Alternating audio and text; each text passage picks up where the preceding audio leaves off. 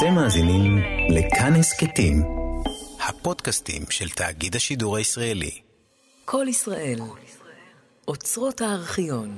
שנים אכלנו פיתה ושתינו מפינג'נים עד שבאו בן גוריונים ושרתוקים ווייסמנים והם אומרים שפלסטין להם תמיד תהיה שייכת ואנחנו לעיראק, לסוריה וסודאן אומרים לנכד יחיית המופתי פלסטין לנו תהיה ולא רוצים פה אלה הם חלק מן השירים אותם לא נזכה לשמוע יותר, אך שמעו אותם הלוחמים הרבים של מלחמת השחרור, שבפניהם הופיעה הלהקה הצבאית המרכזית של צה"ל, להקה שכינסנו במסגרת תוכניתנו "היו ימים".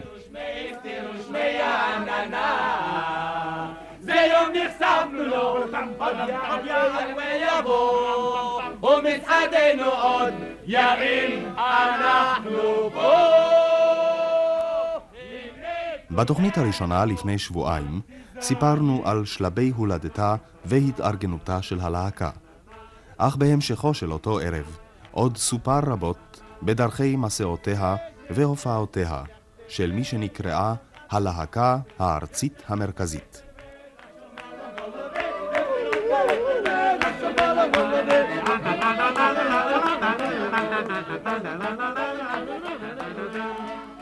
ואם מדברים אנו על מסעות, הרי אי אפשר שלא להזכיר את אחד מנהגי הלהקה שהגיע גם הוא לערב זה. הלא הוא מוטקה בלאגן. נזכר איציק פיינהולץ, היום איש שוהם. אוי ואיזה מרגש. מי זה? טוב, בסדר. מוטקה בלאגן. זה האיש בגוש, מה זאת אומרת? אין קליניקה. מה הוא היה אצלכם? מה הוא לא היה אצלנו? הוא- הוא היה המנהיג, הכל. הוא היה בשבילם הכל. וכיצד נראו הארטיסטים בעיניו? אנשים חבובים מאוד, מה שזכור לי. היו צעירים בזמנם, היום תראה שערות שיבה עם זקנים. אבל עברה תקופה ארוכה מאז. אתה זוכר איזה נסיעה מעניינת איתם ביחד? אה, נסיעה אחת ש... גם לך יש זקן, מה אתה... גם אתה הזדקנת. זכורה לי נסיעה אחת, זו הייתה נסיעה ש... נסענו בבאר שבע, לאחר כיבוש באר שבע, ליאונרד ברנשטיין נתן קונצרט. והאוטובוס שהובלתי את הלהקה שימש אז יציע לכל המוזמנים ולא המוזמנים. כן, איך אתם ראיתם את הנהג שלכם, איציק? הנהג הזה היה פנטסטי, יוצא מגדר הרגיל. אנחנו הלהקה. היינו בבאר שבע באותו זמן והיה באמת קונצרט של ליאונרד ברנשטיין והיו הרבה מאוד יחידות מרוכזות שם. אחר שגמרנו, אה, התחלנו לנסוע חזרה, האוטובוס היה חצי ריק והיו המון אנשים שחיפשו טרמפים ו... מוטקה מסכן לא רצה לתת לאף אחד להיכנס לאוטובוס ואז איש אחד שקוראים לו עכשיו מישה אושרוב שהיה בזמנו נהג רצה לקחת את האוטובוס גם כן מוטקה לא הסכים בשום פנים ואופן כן, מוטקה, מה מה עלילים? אני רוצה להזכיר לחברי היקר, שבזמן שהתחלתי להוביל אותם, נתנו לי להבין שאני מוביל אנשים מיוחדים, אנשים נכבדים, ואסור לי לערב אותם עם אה, קהל פלמחניקס כאלה, אתה יודע, שמסתובבים. על חיילים שובתים שמעתם פעם? לא? ובכן, בלהקה הצבאית המרכזית כמעט שזה קרה. ועל כך סיפר לנו האקורדיוניסט אליקים שפירא, השוהה עתה בניו יורק. כתבנו יצחק גולן מעביר לנו בטלפון למקום הפגישה את שיחתו מניו יורק עם אליקים. יש לי זיכרונות של מרד שלי. אה, אה, אני זוכר שבאנו להופעות והלכנו להופיע במשלטים. אה, הרבה הופעות קטנות בשביל אה, הרבה חיילים. ויום אחד שייקה אה, הופיע, בא אליי ואומר, "אה, אליקים, מהיום והלאה אני לא שר את השיר בקול שני, אני שר בקול 13. ושלמה בר שביט הוסיף את שלו ואמר, אני אשיר בקול 17. ואתה יכול לתאר לך איזה היה על ההצעה הזאת, ואני לא ידעתי מה לעשות, הדבר היחידי שלי היה, אם אתם תמשיכו, אני לא מנגן. אומרים, מלחמה פה, אנשים... אה, מה זאת אומרת, הם באמת שרו בכל 13 ו-17? מה, כן, זה, באמת נשמע ככה. ואז החלטתי שאני לא מנגן יותר. תגיד, אז זה הפרק של היו זמנים. והזמנים היותר קרובים, התקופה שלך כאן. לא, הזמנים היותר קרובים, אה, אני מתאר לי שהרבה אנשים ששומעים את התוכנית הזאת בכלל לא זוכרים אותי, אבל אני אה, באתי לכאן אה, בסוף שנת 49, אחרי שזכיתי בהתחרות. יום אחד קיבלתי טלגרמה מברנשטיין. הוא בא ופשוט אומר, אה, יש לך זמן להיות אסיסטנט שלי אה, לשנה הבאה. אה, עם התזמורת הפילהרמונית. אה, אתה מתאר לך מה שאני עניתי לו. אני צריך להתייעץ עם הבוסים שלי. לא, אני בוודאי שהסכמתי מיד, ומאז אה, יש לי הרגשה שעכשיו תינתן לי סוף סוף ההזדמנות. אבל יום אחד נעלם אליקים שפירא מן הלהקה. יחד איתו נעלם גם שלמה בר שביט, שעל היעלמו יש מספר גרסאות.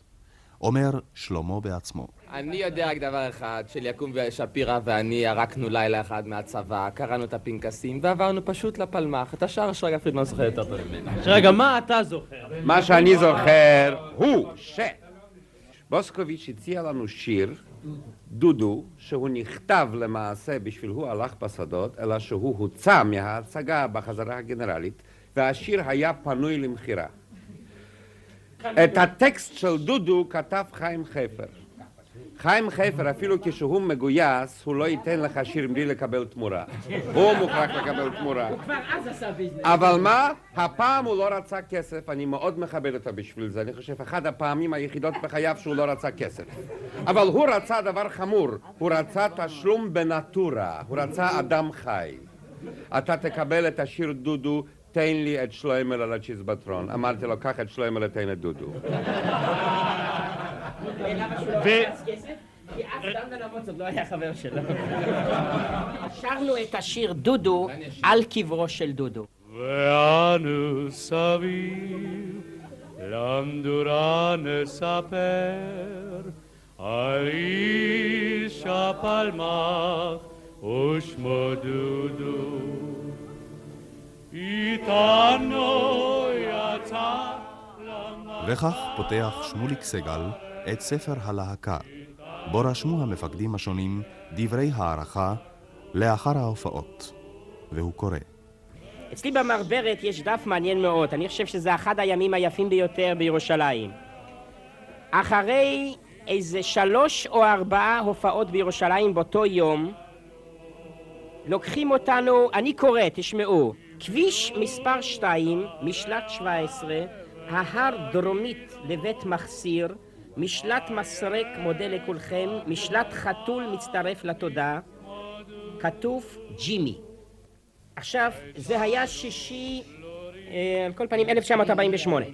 שיר, אה, רשימה שנייה, שיר החבלנים מצא מאוד חן בעינינו, המעלש על השלושה קילומטר קצת מוגזם, אבל אין דבר, גם אותם נעשה. בשם חבלני מוריה, משלט החתול, משה פינגר. רשימה שלישית, אנשי משלט המסרק, מעל לבית מחסיר שנוכחו בהצגה במשל... במשלט שממול נהנו מאוד ומבקשים את הלהקה לבקר תכופות. יוסקה מ"מ. אם חבר'ה זוכרים את היום הזה או את ההופעות הללו, פאדל. בחוף נערה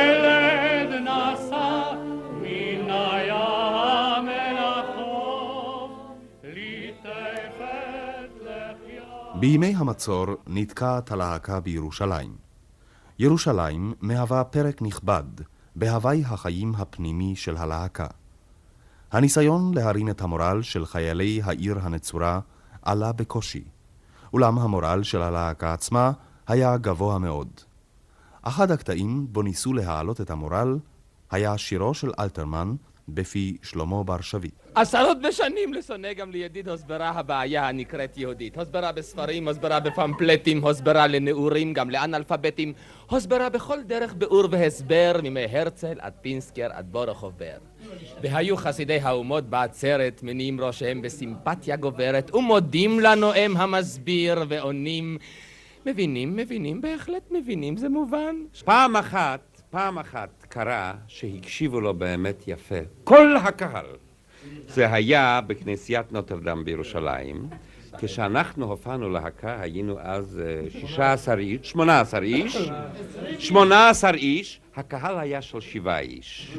זה היה בחצר בין שתי חומות בתוך הכנסייה, ישב שר החוץ דאז, משה שרת, עם אה, רעייתו, והיה אז מפקד ירושלים, אלוף שלטיאל, והיו, זה שלושה אנשים יש לנו, היו עוד ארבעה קצינים, ונדמה לי האפסנאי של המקום. זה היה כל הקהל, הושיבו אותם בכורסאות ערביות כאלה מרופדות בפלוש אדום, עם משענות אה, במסגרות של זהב. אנחנו היינו נגד הקיר, הם מולנו, יצאנו בנדה של 18 חבר'ה, והקהל של שבעה איש, אמנם השבעה האלה שווים הרבה מאות אלפים, שקולים כנגד, תודה רבה, שקולים כנגד, אבל זו הפעם הראשונה שהקשיבו לשיר של שלוימלה בהקשבה רבה ובתימהון. אבל ברגע שסיימתי את ההופעה, קם הקהל והלך, את זה אתה לא זוכר. אני רואה שאצל שמוליק, כן? בתום ההופעה התחילה ההפגזה אז. בכל אופן, בתוך ההפגזה עוד שרת הספיק לכתוב כמה מילים בספר הלהקה, שכמובן נמצא אצל שמוליק סגל. מה הוא כתב, שמוליק? הוא כתב בהנאה מרובה ובברכת חזק משה שרתוק, עמדת נוטרדם ירושלים כ"ד סיוון תש"ח. שלמה בר שביט, אתה לא מקבל ביקורות כאלה כל יום בהבימה. את הברכת חזק הוא ייחס לעצמו, כי צריך היה להיות שטרק פונייזן להחזיק מעמד בהופעה. כשהופענו אז בנוטרדם היה כתב אחד מ Life ואמר, היי, יש להם להקה צבאית, אין להם עוד אווירונים וכבר להקות צבאיות יש להם. אשתו של מאיר רוברמן מבקשת אותו כבר 13 שנה להופיע בקטע שהופיע בלהקה. בלי תקן. בלי תקן. טוב, מאיר רוברמן. ובכן, אני מודה ש... אה, 11 שנה אני משתמט מלתת את הקטע הזה, אבל אה, כעת אין ברירה. אם פה זייפת פסים בשטח הכיבוש, ויהיה זה נסים, תגמור בקלבוש. זה בהתאם לתקן, וכל טיפש עושה כן, אבל זה עסק ביש. אך אם זייפת פסים ולא נתפסת אח, כל חבר הקונדסים לך ישירו כך. זה לא לפי התקן, לא כל אדם עושה כן, אבל זה מצוין. אפסנה איתו ריח ועל פיציו ארור. אינה קפה שום ריח וטעמו עכור. זה בהתאם לתקן, וכל אפסן עושה כן, אבל זה עסק ביש, לא עסק ביש של עכשיו כמובן. והמבין עניינים יבוא אל העיקר לצורך הפינג'נים יסחוב מעט סוכר. זה לא לפי התקן. לא כל אדם עושה כן אבל זה מצוין. אם פגזים יעוטו על כל ירושלם והמשקיף של אונו יושב לו וחולם. זה בהתאם לתקן כי הוא תמיד עושה כן אבל זה עסק ביש ואם נשיב הסרט על בית וארמון, ולא נחסוך עופרת, גמר רבת עמון. זה לא לפי התקן, אבל אם נעשה כן, נגמור את העניין. לכל שיר בלהקה סיפור משלו, וכך גם לשיר החבלנים, שהוא שר ראשונה בלהקה סיפור משלו. נזכר שמוליק סגל. אני מחזיק את המחברת, מחברת הלהקה הצבאית שרשמנו את ההופעות, והנה אנחנו נמצאים ב-31 במאי 1948, נמצאים בסירה, זה בערב על, בערב על חוף הכנרת, כרמית, כרמית, אבל חכי רגע, אחר כך תגידי. נמצאים בערב על חוף הכנרת בסירה, שם על הסירה נמצא, נמצאת מחלקת חבלנים, כולם מפויחים, פניהם מפויחים, והם יוצאים להפציץ בלילה את אל-קסר, תל קסר. והנה מופיעה הלהקה הצבאית, אנחנו מנינו אז כמעט כמו מחלקת החבלנים, אותו מספר, ואנחנו שרים להם, כן, ואנחנו שרים בפניהם, אנחנו שרים בפניהם את שיר החבלנים, אילו היו מציגים את התמונה הזאת בתיאטרון או בקולנוע, היו אומרים שזה מוגזם, זה קצת קיץ', זה סחרין. יואל זילברג. שמוליק סיפר, שמוליק סגל סיפר על המבצע הפתטי הזה כששרנו את שיר החבלנים למחלקה לפני שהיא יצאה לפעולה. אני רוצה להגיד, זאתי הרגשתי שלי, ונדמה לי שעוד כמה מחבריי הרגישו ככה. אם פעם הרגשתי לא נוח בחיי, ובחסות החושך, אני התאדמתי בצורה כזאת שלא התאדמתי יותר אף פעם יותר בחיי, זה היה באותו ערב כאשר הייתי בעצם בכושר קרבי מלא ובגיל המתאים לצאת לפעולה, אבל עמדתי ושרתי את שיר החבלנים לחבר'ה האלה שיצאו לפעולה. מר ארן. הרשו נא לי להתערב כאן, משום שנגעו בנושא די רציני. פה יתקבל אולי הרושם גם מהשידור הזה שרק מתלוצצים והחבר'ה כאילו ציניים, אבל אה, אומר זאת, אני זקן החברה, החברה כאן. אה, הם עשו באמת עבודה טובה, לא רק במרברת שלו, תוכלו למצוא גם מהדינים והחשבונות שקיבלנו אז מילאו תפקיד חשוב מאוד. אמנם אנחנו האחראים חשבנו שצריך להביא קודם פרקי תנ"ך וכולי, אבל כל דבר קטן בידורי הרים את המורל של האנשים והשאיר רושם רב.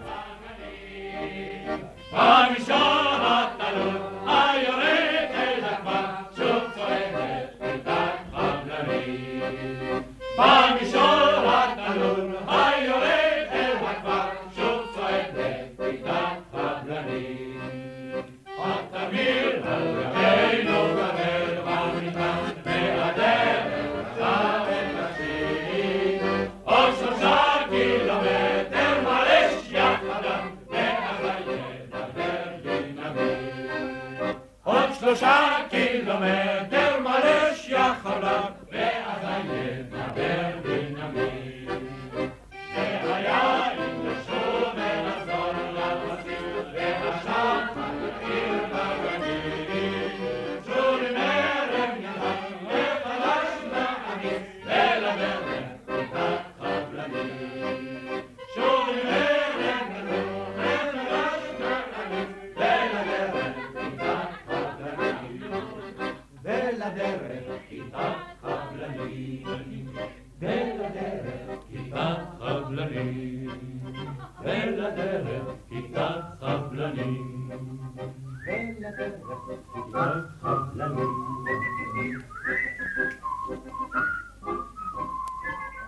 ועכשיו, אחד הקטעים שהפכו לקלאסיקה של אומנות הבידור הישראלית. קטע שכל שני אומנים המכבדים את עצמם וכל להקה הופיעו בו ועדיין מופיעים בו. אבל מקורו של הקטע היה כאן בלהקה. אני אתן לאחד הקטעים הראשונים שהוצגו בארץ, ליוסקה גד ולשמואל ו... ולשמוליק סגל, מה היה הקטע ביניכם?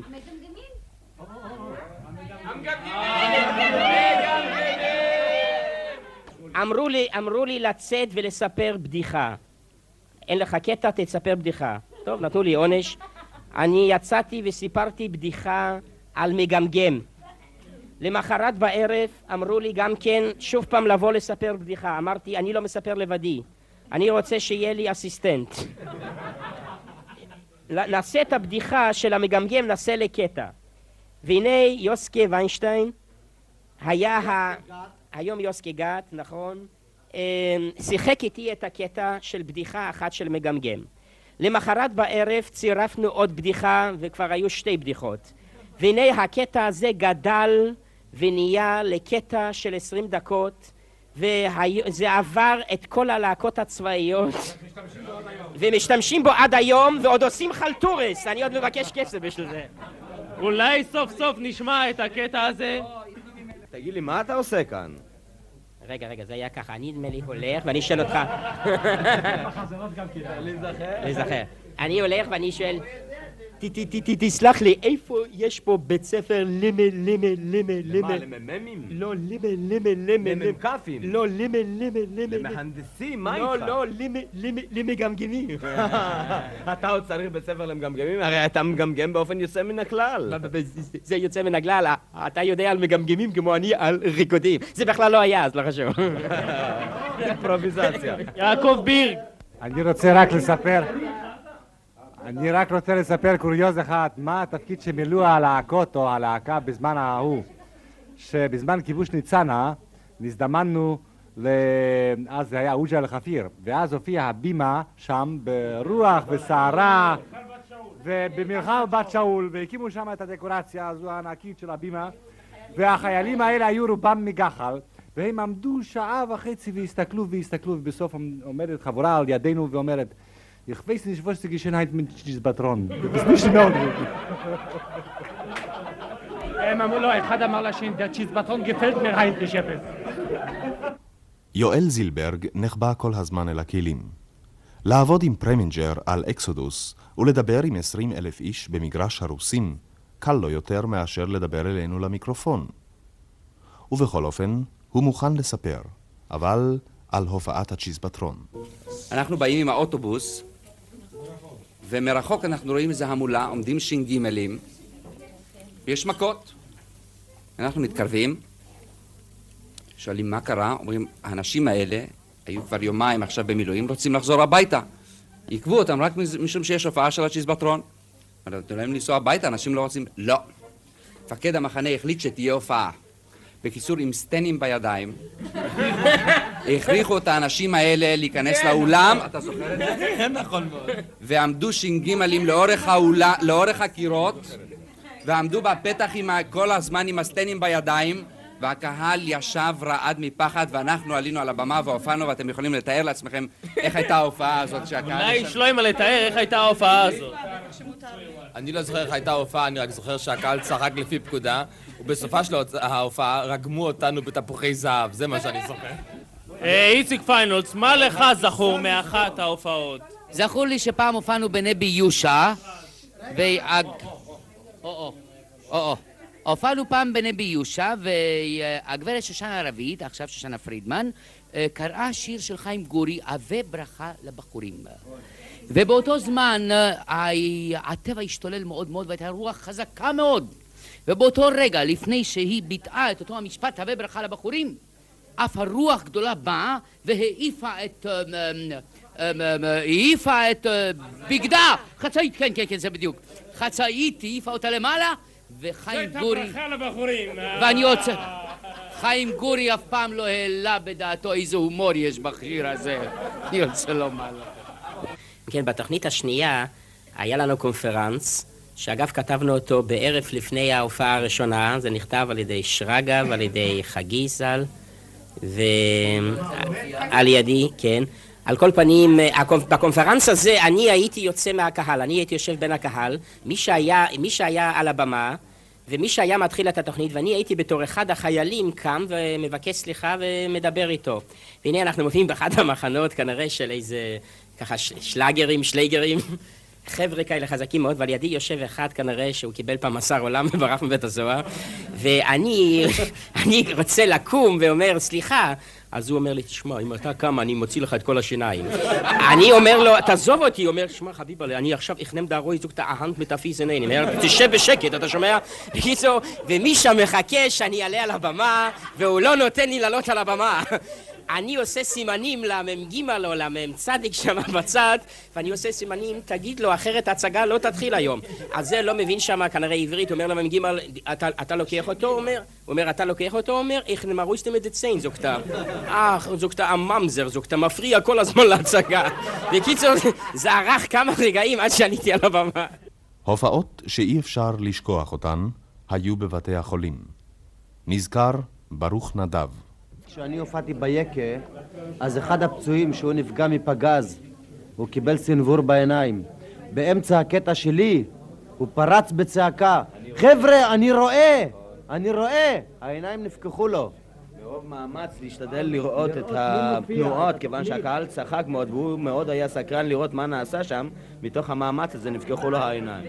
שרגא. באחת מההופעות שלנו בבית חולים, בבתי החולים בירושלים, אה, אני חושב שבית חולים זיו. זיו. זיו, כן. שם הסתובב בחור צעיר, אולי בן 19, אה, עם משקפיים אה, כהות עם זכוכיות עבות מאוד, והוא הלך תמיד ליד הקיר, משש ביד אחת את הקיר, וככה הוא היה מתקדם מחדר לחדר אחרינו. Uh, כמעט שלא דיבר איתנו. Uh, כמובן זו הייתה תופעה מאוד מדכאה, הבחור הזה, אנחנו גם, הבנות שלנו ניסו להיכנס איתו בדברים, ובהפסקת הצהריים היו יוצאות איתו לגן שם בבית החולים משוחחות איתו. והתמונה הזאת של הבחור הנשרך ליד הקיר uh, רדפה, ליוותה אותנו הרבה שנים לאחר מכן. אני חושב איזה שנתיים אחרי שנגמרה הלהקה והצבא והמדינה קמה ואנחנו כבר עבדנו בתיאטרון, הלכתי עם שמוליק סגל ברחוב אלנבי והולך אה, מולנו בחור ושנינו נעמדים, הולך עם משקפיים אבל לא כהות, משקפיים אה, כמעט רגילות עם זכוכיות קצת יותר עבות. אנחנו הולכים לקראתו מתוך הכרה שהוא איננו מכיר אותנו. הנה הוא נעמד מולנו, מסתכל, ואנחנו ממשיכים לדבר, והוא מאזין, מאזין ומאזין, ואנחנו עומדים ממולו, והנה הוא אומר, אתה שמוליק סגל, זה הקול שלך, ואתה שרגא פרידמן, זה הקול שלך, אני הכרתי אתכם לפי הקול. ברחוב, בין מאות אנשים שהולכים ברחוב. לא שמנו לב, אבל עובדה היא כי השעה כמעט שלוש לפנות בוקר. הארטיסטים יוכלו לישון עד שעה מאוחרת. אבל מה נעשה אנחנו, המתחילים לעבוד באופן נורמלי בשעה שבע בבוקר? ובכל זאת, אי אפשר ללכת ככה סתם. מוכרחים לסיים במשהו. שוב המארח שלנו יששכר מירון ליד הפסנתר, והפה שר, בדיוק כפי ששר באותם הימים. אז נשאו השלושה ראשיהם זה מול זה, וקרצו זה אל זה לבלינוע, והצחוק והצחוק התפרץ מחזה, בלי חקור ובלי דעת, מדוע?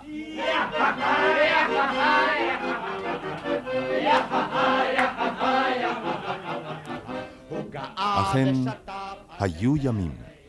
על צגים של נייר ושל פלט, על חוקי ממלכות הבאים עד אבסורד, על הדר הכסילות המושלת.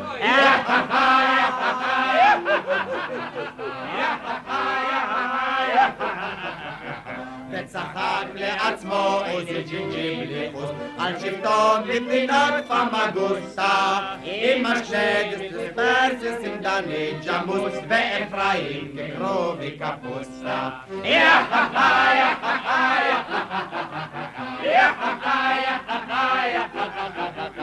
וסביב שלוש מאות חמישים בחורים. צחוק גלגלו נסו הרע. צחקו בני בטוביה וגם בנירים. צחקו בני גניה מאודרה יחכה יחכה יחכה יחכה יחכה וממול תינוקות המחנה החיברים מקשיבים רועדי פני בלחים וחגים שלוש מאות חמישים בחורים נקראים בין הצחוק והבכי. יחכה